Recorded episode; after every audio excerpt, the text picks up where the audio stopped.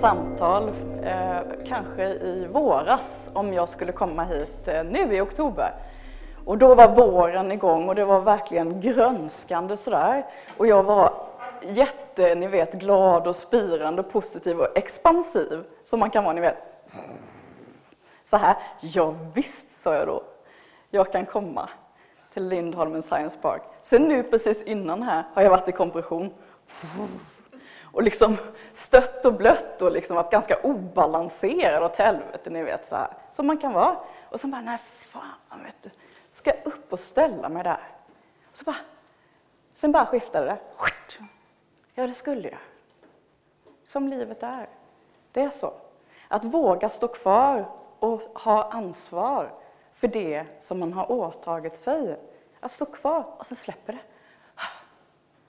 Och så kommer man igenom den gången. Så jag skulle vilja säga så här, är ni redo på riktigt att uppfylla era önskningar? Och då menar jag på riktigt. Vill ni det? Är ni redo att vara i den där totala känslomässiga eh, tryggheten och fulfillment of wishes-känslan? Eh, är ni det? Har ni hindrat er själva tidigare många gånger från att stå i er totala potential? Never! Eh, vår största fiende är vi själva. Allting som vi har framför oss. Jag känner här i, i det här rummet att det finns väldigt mycket av eh, redan nu eh, sådana här uppfyllda önskningar. Men ni har strävat länge.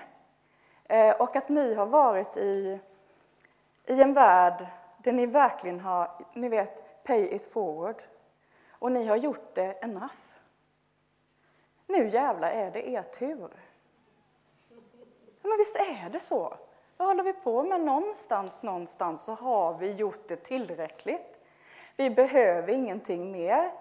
Vi måste ingenting i det här rummet. Vi måste ingenting. För det är det som dränerar oss på kraft. Det är allt det som vi tror att vi behöver göra för att vi ska lyckas. Vi behöver inte det.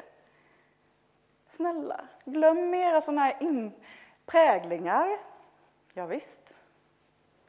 Glöm dem bara för en stund. Vanorna.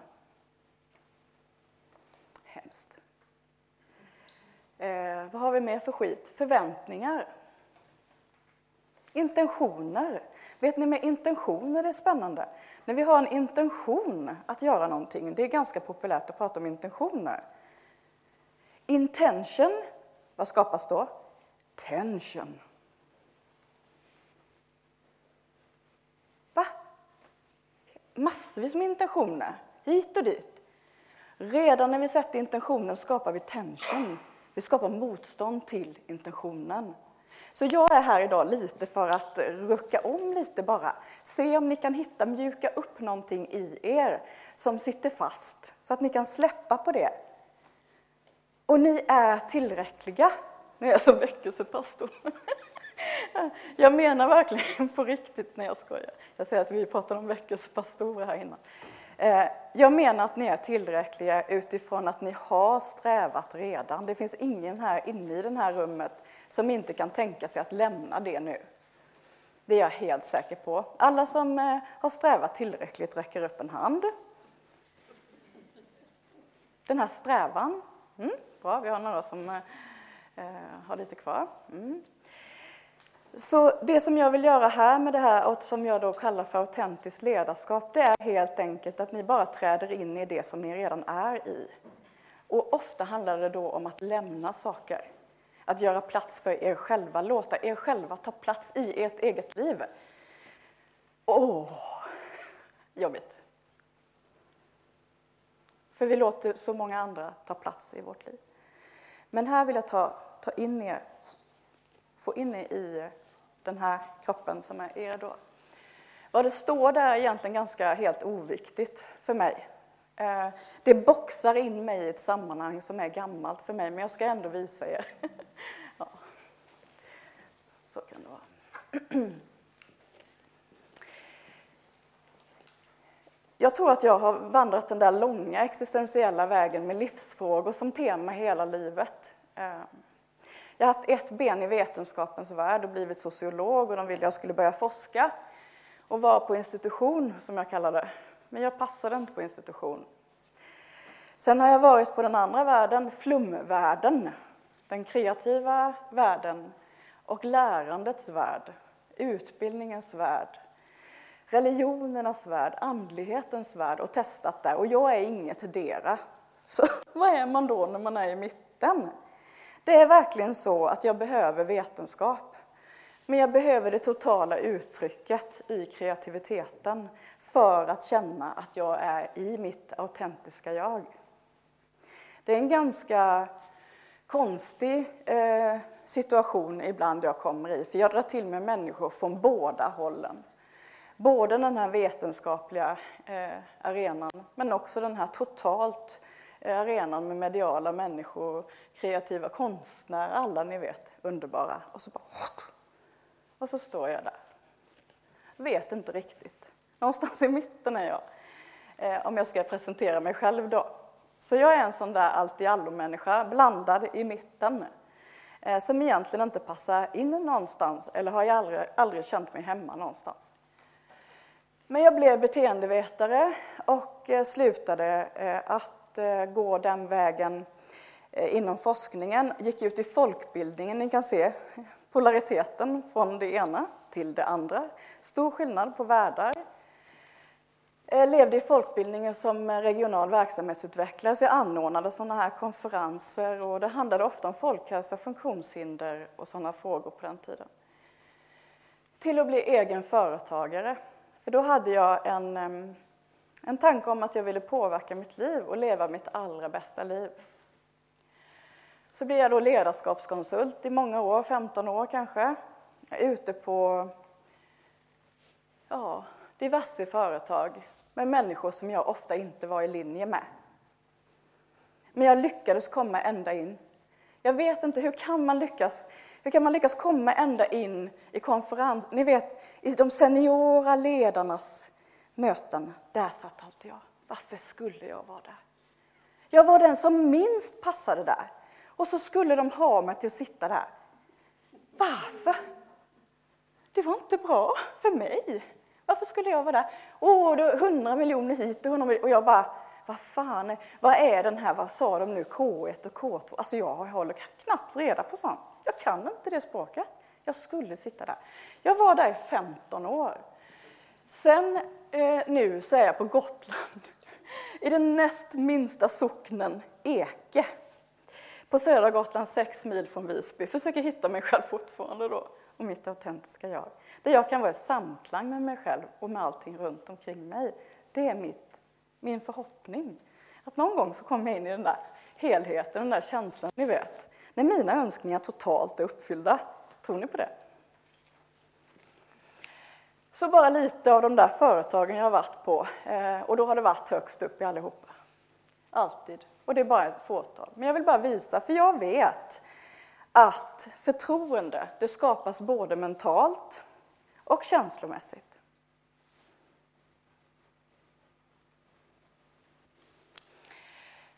Förtroende är en väldigt stor komponent i det autentiska ledarskapet, att skapa förtroende. Och det gör man både genom att visa vad man har gjort tidigare. Alltså vad är det som... Vad är det, vad är det du har här som gör att jag ska lyssna på dig? Och då är det ungefär 50 procent som är mentala och vill ha en, en, eh, en mental eh, genomgång av mina tidigare meriter för att känna förtroende för mig. Jag vågar ge den här uppgiften till henne och hon kommer leverera den. Eh, 50 procent de andra, ja men de är känslomässiga, de behöver se att jag finns där, jag lyssnar på dem, jag ser dem. Och jag är kvar med dig i din uppgift, hela vägen. Därför visar jag det här. Inte för att jag själv behöver det, men för att jag har varit i den världen och lämnat den. Eh, ja, kommer tillbaka ibland. Det som eh, skiljer autentiskt ledarskap, det finns alltså en mångfald av ledarskapsteorier där ute. Alltså hur många vill ni ha? Och så finns det de här stuprören, det här är det här och det här är det här och det här är det här. Det som särskiljer autentiskt ledarskap från de andra, ledarboxarna är den tjänande aspekten. Self-sacrificing service. De forskar väldigt mycket på vad det är som gör att en ledare kan påverka människor. Vad man har sett idag är att just ett autentiskt ledarskap påverkar människor. Där man har den här inne i sig självsäkra, vad ska man säga, eh, inte självförtroende, men någon slags realisation av sig själv där man inte behöver döma någon annan, för man vet att det är tillräckligt svårt att leva där ute, så jag behöver inte döma dig. En autentisk ledare dömer inte och ofta är den, den inre dialogen i en autentisk ledare är positiv. Så när man pratar med sig själv, om jag säger så, så har man en positiv dialog. Jag tänker inte, eller tittar inte då på vilka kläder du har eller vad du, kan, vad du har gjort. Jag möter dig som du är. Det är väldigt eh, företrädande för just autentiska ledare. Men sen är det den här tjänande aspekten som gör att jag gillar det här. För jag kommer ju från en värld där jag för väldigt, väldigt länge sedan skulle bli diakon. Då körde jag den, det gick ju inte heller. Jag kan liksom inte boxa in mig. Eh, den tjänande aspekten där du ska tjäna andra. Men här är en liten grej, för du är också en del av andra, så du ska tjäna dig själv lika mycket. Så glöm aldrig det. Om ni är sådana här som tjänar andra och tycker om det, lyssnar, vill och engagerade i andras frågor, kom ihåg att alltid tjäna er själva också. Att vara lika engagerade i era egna frågor som ni är i den andres frågor. Förstår ni? Man kan glömma sig själv där, att man också är en del av alla andra. Så det vill jag ha med från början, att kärleksmässigt så finns det liksom ett tjänande perspektiv och kraftmässigt så är det en intern process där man får sin kraft ifrån. Och då skulle jag vilja göra nu mer bara så här, någonting som ingår då i autentiskt ledarskap är sanning. Att man gör sanna medvetna val, det här sanna. Och det är bara sant för dig. För det finns egentligen ingen eh, sanning, det vet vi nog de flesta. Vi har den egna sanningen själv, men då behöver vi ta reda på om den är sann för mig eller är det att jag är i en kontext där den är sann i kontexten? Eller är det här sant för mig? Så om ni tänker på någonting nu, om ni står inför ett beslut, ni ska alltså göra ett val här nu i ert privatliv e- eller på jobbet, i ert arbetsliv. Tänk efter lite. Eh, kom fram, låt, låt det komma något. Nu står jag inför ett beslut. A eller B. Och så kan det finnas säck. Har ni något? Kom det något? Ett beslut som jag ska ta. Det kan vara om jag ska åka på middag till helgen till min syster. Det kan vara om jag ska säga upp mig från jobbet nästa vecka. Har ni en sån där fråga framför er? Mm, så tar ni höger hand eller vänster hand och lägger här. I hjärtat. Och så går ni in i er själva och så frågar ni. Är det sant för mig? Att göra det här, alternativ A. Är det sant för mig?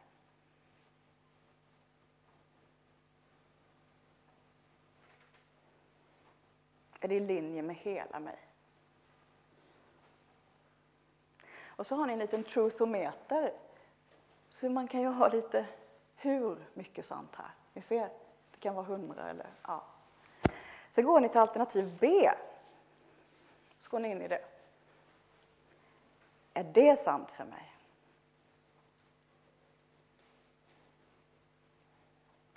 Vilket av de här två alternativen var sannast? Fick ni någon skillnad? Jag vill bara kolla. Kom det något så att det var lite skillnad på det? Första. Ja, det första. Var det någon mer som kände att det fanns en skillnad, en nivåskillnad? Nej. Ni kan använda vilken fråga som helst, bara ni går inåt. Ni kan fråga och bara se och värdera, göra en sån inre värdering. Vi har alla svaren själva och vi hör det där om och om igen att vi har svaren själva. Ni kan använda er av kroppen. Eh, ska jag göra det här? Då säger kroppen enligt kinesologin, då, om ni tror på det, så kan ni fråga, ska jag göra det här? Då säger kroppen ja. Eller så är kroppen neutral. Eller säger kroppen, ska jag göra det här? Nej. Om ni är lite utanför boxen så kan ni testa sådana där saker. Så, så kommer ni att guidas av er själva. En autentisk ledare har det här inre motivet. Guidas av sig själv. Går inte i det yttre, letar inte efter bekräftelse i det yttre utan har den här egna bekräftelsen av sig själv och styrs av det. Så nu är din sanning där, i det beslutet. Så den autentiska ledaren litar på sig själv och tar beslut nummer A. Där det kändes sant. Här kan vi lägga till hur många rubriker som helst eh, vad som kännetecknar det autentiska. Det kan också vara EQ, mod, moral, massvis med andra också ingredienser i det autentiska. Men det som, det, det som man kan se eh, i, eh, de, hos de autentiska ledarna, det är att de har en lätthet som människor ser. Och man undrar lite, vad är deras hemlighet? What's the secret? Vad är det som de har för hemlighet? Jo, de, de gör inifrånstyrda handlingar, ungefär det som vi pratade om innan. De lyssnar här inifrån vad det är de är liksom styrda internt inifrån ut. Och hur kan man märka då om man kanske gör inifrånstyrda handlingar eller om man tar och plockar utifrån, utanför sig själv och bestämmer och tar beslutet utifrån? Hur kan man veta det? Jag brukar känna en stor lätthet i min kropp när jag är inifrån styrd. Då kan jag hålla ett fokus, jag kan jag tar ansvar för mina tankar, för mina känslor, för mina erfarenheter. Jag tar till och med ansvar för mina värderingar när jag är inifrån styrd på ett lätt sätt. Det finns liksom inget som hotar mig. Min kropp är till och med med mig. Jag är, jag är med mig själv.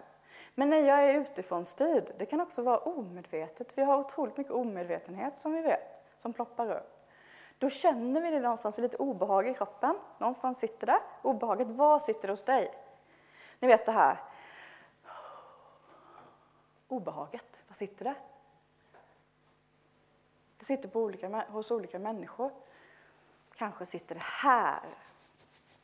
I solarplexus, här i magen.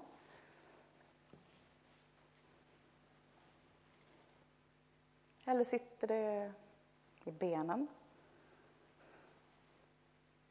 Man känner motstånd, ni vet. Man ska gå in till någon på ett möte och så bara... Hela kroppen går emot. Kan inte gå in liksom, men man går in. Man går, gör motstånd, man gör våld på sig själv. För man vet att man inte är i linje med det. Man vet att man inte vill gå in dit. Och så gör man det om och om igen. Varför gör man det? Varför gör man det? Jag frågade, är ni redo för att leva det livet som ni vill på riktigt? Är ni redo för att lämna de här begränsningarna som ni sätter upp er själva i? Sluta då för F att gå in där när ni inte vill. Förstår ni? Lägg av med de handlingar som dränerar er på total energi och välj medvetet vad det är ni ska ägna resten av ert liv med. Åh, så många gånger jag har gått in där och inte velat. Och miljarder gånger jag har gått emot mig själv. Därför kan jag prata om detta, för det är det stort. Det är supermänskligt. Att bli distraherad av sig själv och att göra saker. Oj, det där med, oh. Och så plötsligt, nej men där vill jag inte vara, det vill jag inte. Och så, och nej, inte där, åh gud. Och så vad är det med mig? Jag kan inte välja. Och alla de här mänskliga funderingarna. Jag har verkligen varit ute på den vägen och är på den vägen. Det finns liksom ingenting som, ja, som jag känner att jag inte skulle kunna prata om. Pick one. Det var någon som frågade mig varför bor du på Gotland när vi gick upp för trappan här ute till vi skulle gå till workshopsalen som vi ska vara imorgon om vi vill, om vi vill eh, dyka lite djupare in i det. Eh, då sa hon, varför flyttar du till Gotland? Och jag bara, Do you want the long version, version or do you want the short one? För livet är ju hela, allting, allting är ju som nästan som en röd tråd som leder fram till där man är idag, om man vågar titta tillbaka på sin tidslinje. Så varför är jag på Gotland idag? Det var en otroligt stor fråga om jag skulle svara hur det verkligen var. Så hur gör man det här med de här short versions? Hur gör man när man ska beskriva för människor när man får en fråga om någonting som har en otroligt lång berättelse? Är den mottaglig för att höra svaret? Är den där med mig för att höra min berättelse? Vill jag berätta den berättelsen för den människan? Det är ytterligare en sak som vi dränerar oss på när vi berättar berättelse i fel forum. Så vem delar du ditt liv med? Här till exempel då, så kan vi se en scen från en film. Vi kanske inte förstår ibland när vi är utifrån styrda, så kanske vi inte ens förstår att vi är det. Men som sagt, det känns någonstans i kroppen. Kanske är det så att vi, ja, vi suger åt oss av andras ansvar, helt enkelt. Vi kanske lyssnar på den andres förväntningar och bifaller. Eller vad är det vi gör? Hur gör vi det? För om vi ska behålla någon form av energi, för det behöver vi mycket av när vi ska uppfylla allt det vi vill i vårt liv. Man kan tänka det som så att om vi kan få behålla vår energi, man ser det som en energibarometer så här, eh, så kan vi ge den, ett, vi kan ge den en siffra. Vi kan säga att eh, det är 1 till 10 kan vi säga. Då skulle jag vilja fråga er nu, eh, så kan ni göra det här hemma om ni vill. Hur mycket energi totalt sett, ungefär, helhet, upplever ni att ni har just nu? Ni har varit en lång dag här. Alltså hur mycket energi, 1 till 10, om 1 är ingenting, 10 är allting. Hur mycket energi har ni just nu, 1 till 10? 3, 6, 8, 3. Det här är superbra.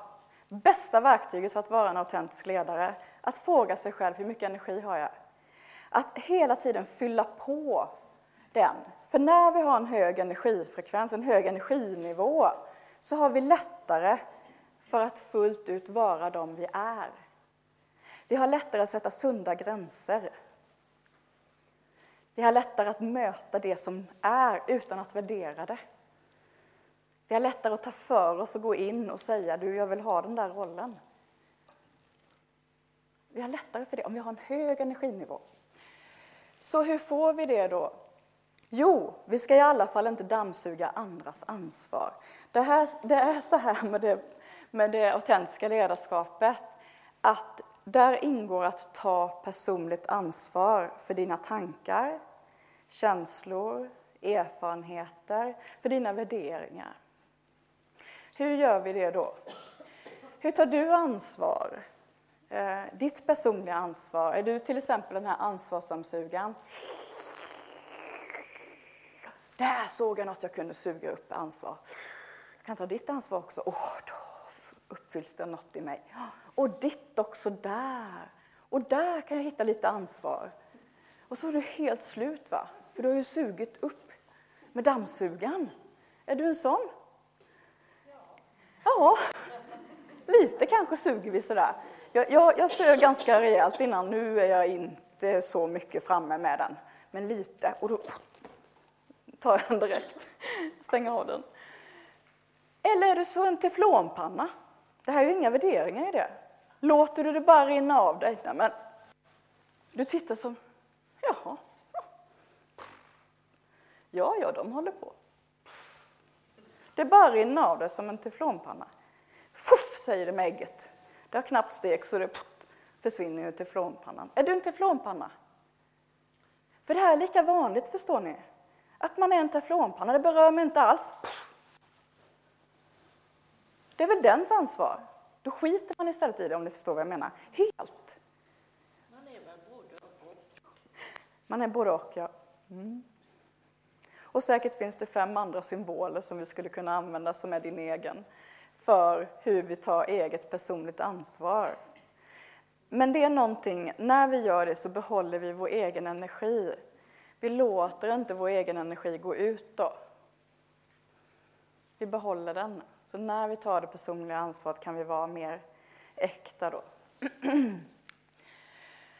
Någonting som också finns i autentiskt ledarskap är meningsfullhet. Det är ungefär så här, om du ser till att känna mening, då har du mycket lättare för att vara autentisk och ta det ledarskapet.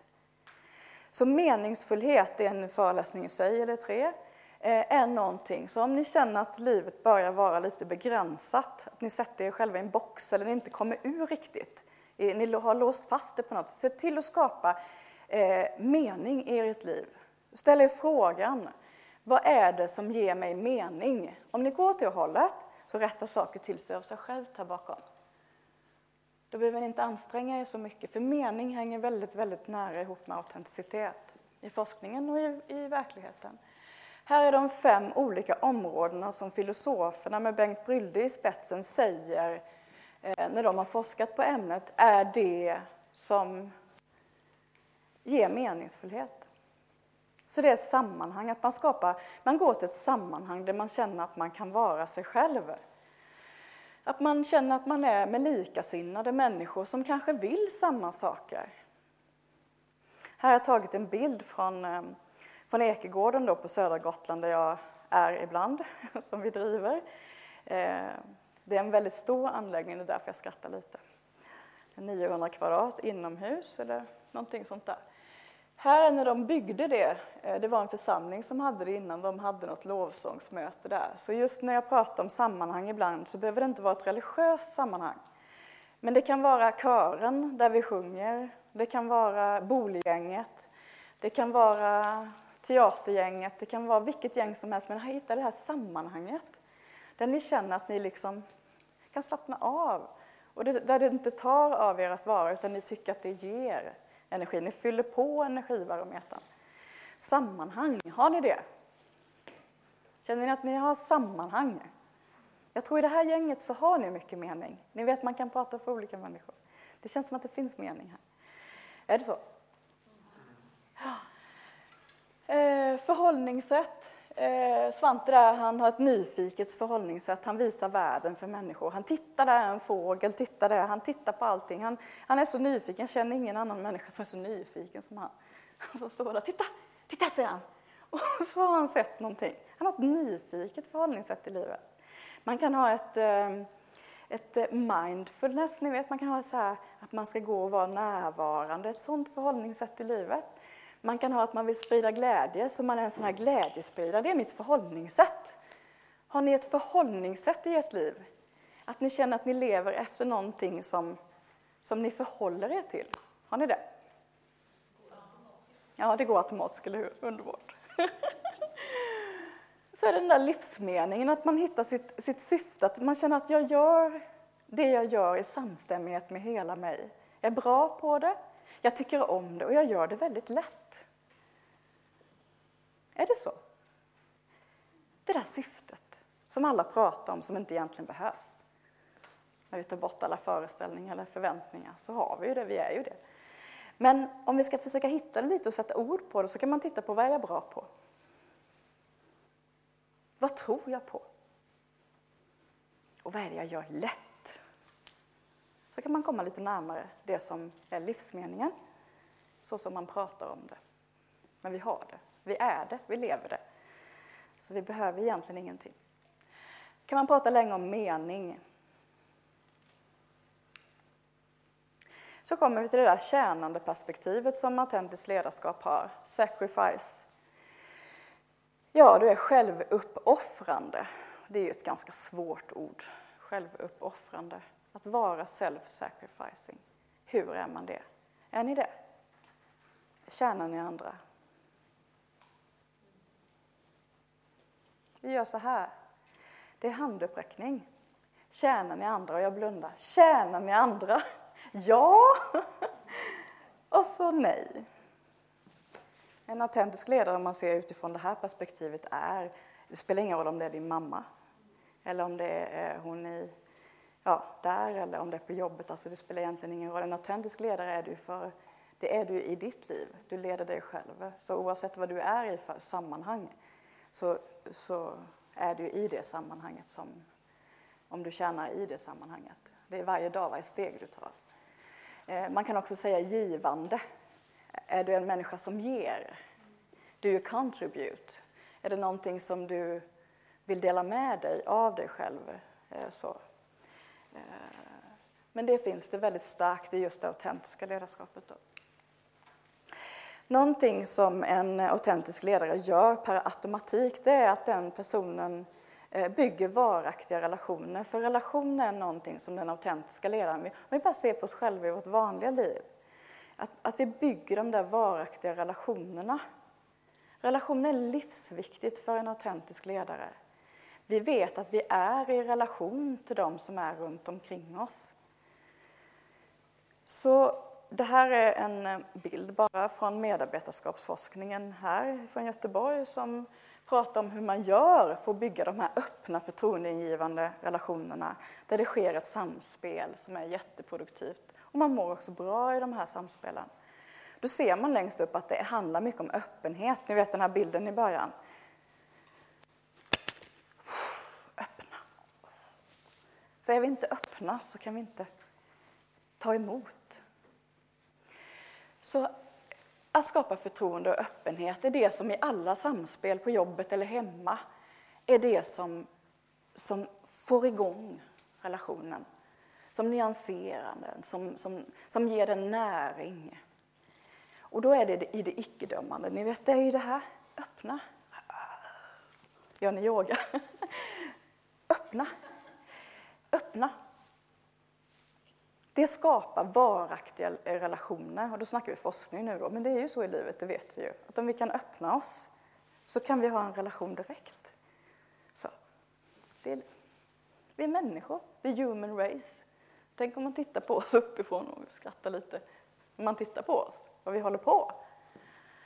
Det är väl ingen skillnad på oss, speciellt. På min gravsten, jag ska inte ha någon, men eh, då ska det stå, om det skulle stått, så ska det stå hon som levde livet, ska det stå på den. Vad ska det stå på er?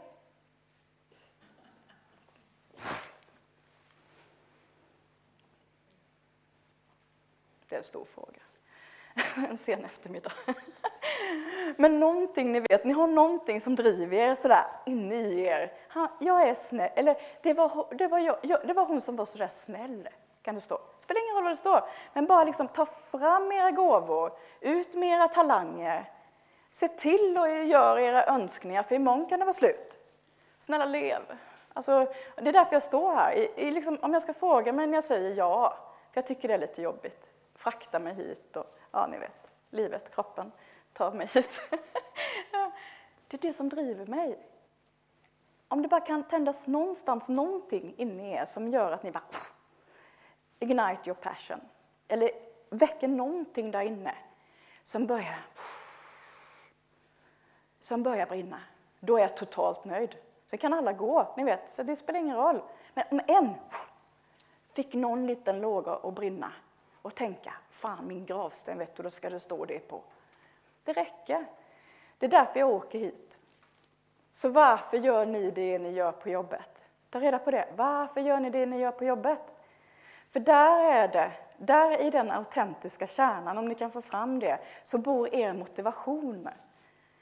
Den där inre motivationen som driver er och får er verkligen att gå upp och göra ert allra bästa och leva det allra bästa livet. Gemenskap och samarbete, det vill man bara ha om man lever i en relation eller i ett relationsgäng som har ett öppet klimat och där man har förtroende för varandra. Jag vill inte samarbeta då om jag inte känner det. Jag är sån, jag har kommit till den åldern att jag faktiskt inte gör det idag. Eh, utan det ska finnas den här öppenheten och förtroendet och jag ska veta att han eller hon vill mig väl. Jag samarbetar inte idag annars. Så relationer är hela varvet. Här. Om det är så här att det blir en förtroendekris då i en grupp, eller en familjegrupp eller en grupp på jobbet, där man plötsligt, då levererar inte han eller hon som hon ska. Hon lever inte upp till det som jag förväntar mig. Då går ju, den här, går ju det här tvärtom. Då, går man in, då tar inte jag heller ansvar för det här. Och kommer med några initiativ? Nej, det gör jag ju verkligen inte. Och så minskar engagemanget och man, ja, man vill inte samarbeta mer och man minskar sin öppenhet. Man visar inte alls någonting. Så det här går ju åt alla håll. Den här. Och det här har jag jobbat med i, det är det jag jobbade med i 15 år, att skapa produktiva samspel på jobbet. Så det här ligger väldigt nära mig. Man kan gå in från vilket håll som helst och jobba med en grupp. Man kan gå in från initiativhållet, eller från meningshållet, eller från vilket håll som helst, så påverkar det den här, Eh, och jag kallar det konceptet produktiva relationer. Spelar heller ingen roll. Men få igång energin i gruppen igen. Så en autentisk ledare bygger varaktiga relationer. Det ingår för den autentiska ledaren. Jag skulle vilja fråga er, om jag gör så här 100 procent, om ni har 100 procent här, där ni har en möjlighet att vara 100 procent eh, autentiska. Hur mycket upplever du att du är autentisk totalt sett idag? 1 till 100 procent. Lyssna nu, inåt. 1 till 100 Nej, 1 till 100 procent. Det kan vara 40 procent, 60, 80 procent. Hur mycket autentisk är jag i mitt liv? Och då gör jag bara generellt i alla situationer med alla människor. Men du kommer få ett svar av dig själv. Hur mycket autentisk är du? Och så lyssnar vi. Okej. Okay. Fick ni något? Vet ni, ni ska få säga det högt. Så, jag räknar till tre, så säger vi det högt, hur högt vi vill. Mm. Ett, två, tre. Mm. Ni skulle säga hur mycket procentmässigt ja, som ni fick svaret. Vi tar det en gång till bara för det. Ett, två, tre.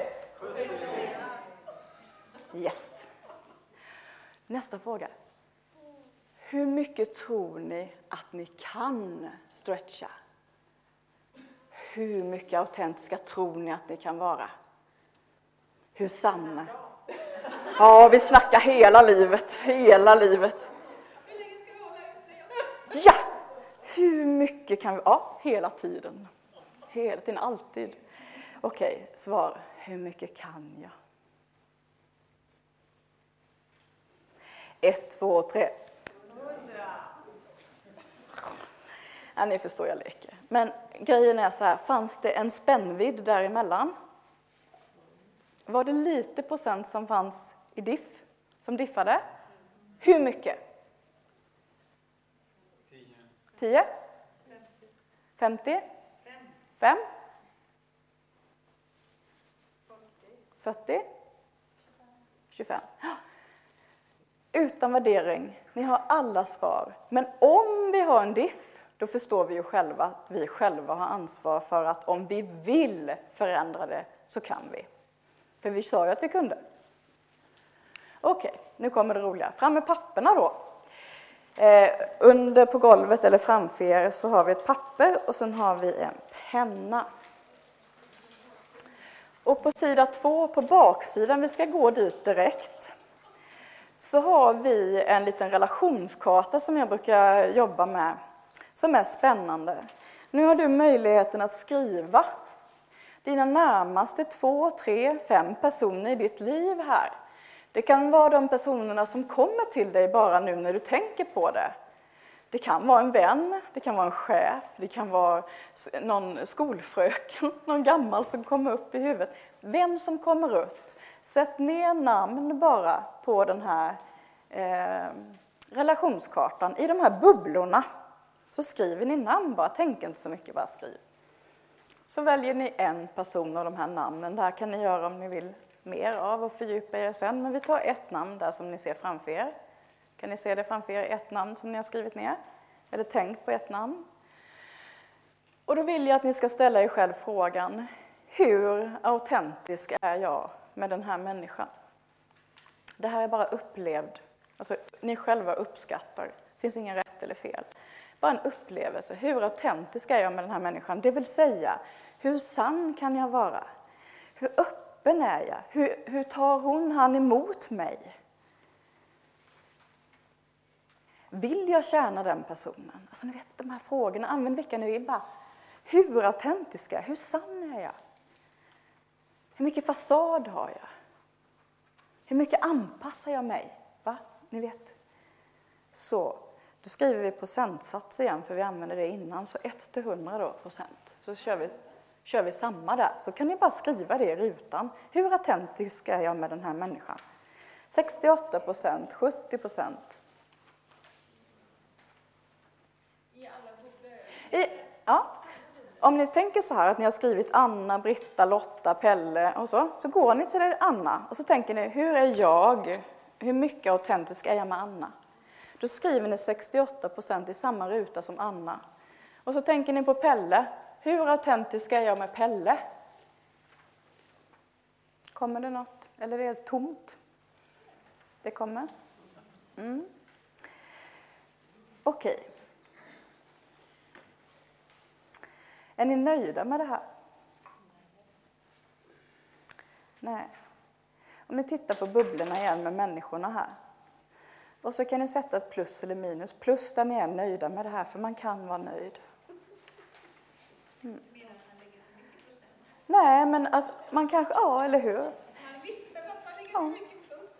Men, men kanske, är det så, kanske är det så här att ja, det här är jag faktiskt nöjd med. Då behöver vi inte titta så mycket mer på det. Men om vi tar minustecknen då, att det finns relationer på bubblorna här där du inte är nöjd. För du är inte i samstämmighet med dig själv riktigt här. Det gnager lite, var, var det bara 35 procent. Och så är det en nära person som jag uppskattar till att, vara, att jag bara är, bara då, nu är det värdering. Det ägnar vi oss ju inte åt när vi är autentiska ledare. så mycket, förlåt. Men nu värderar vi lite. Är jag nöjd med det här? Då sätter vi ett minus om vi inte är nöjda med det, för då kan vi bära det med oss och se om vi faktiskt kan förändra minus till plus. För det går ju. Men bara gör en gradering för dig själv. Utforska.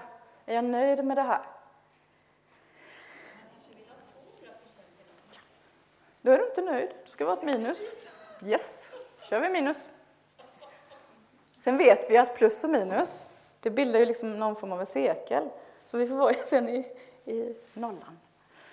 Men nu kör vi plus och minus fortfarande.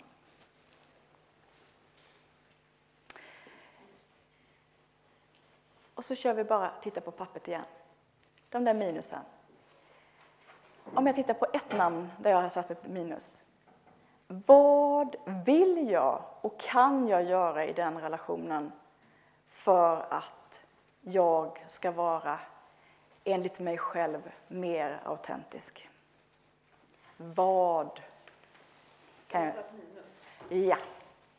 Vill jag för det första, annars kan du stryka ett streck över hela bubblan.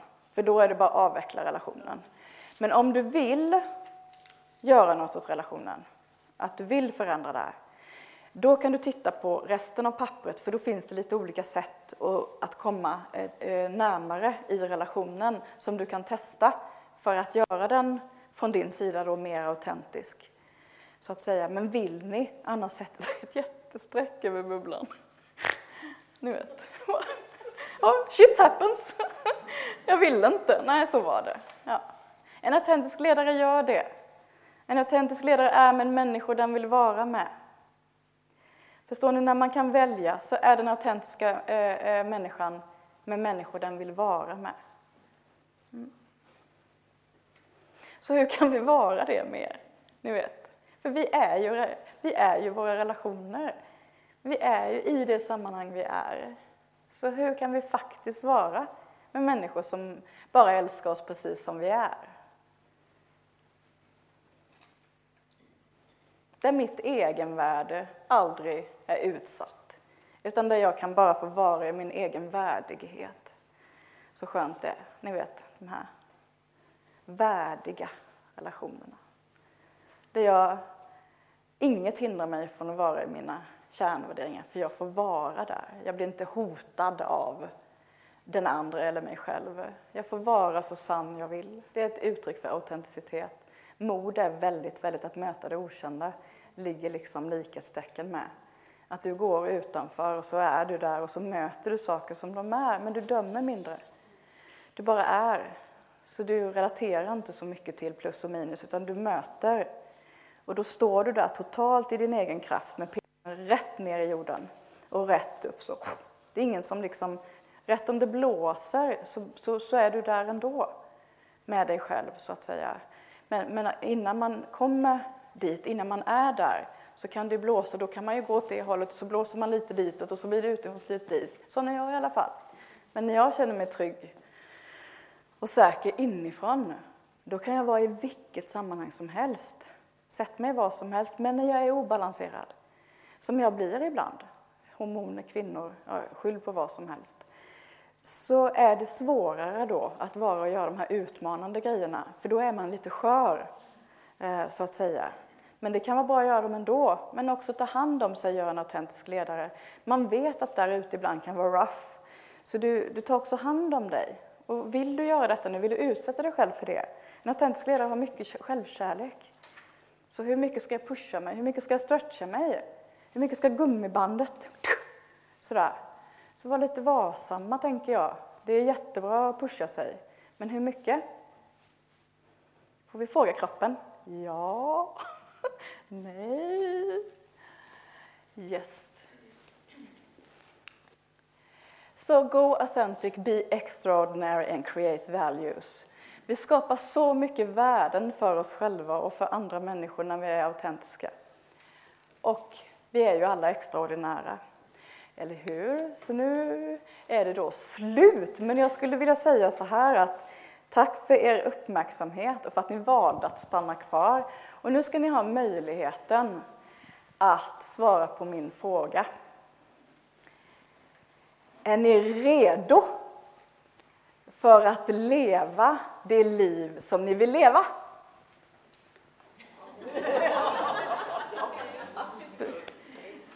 Det vill jag. Ja. Så är ni redo? Ja, ni är redo såklart. Världen behöver er också. Så jag tackar ödmjukast. Där finns jag annars om det är något.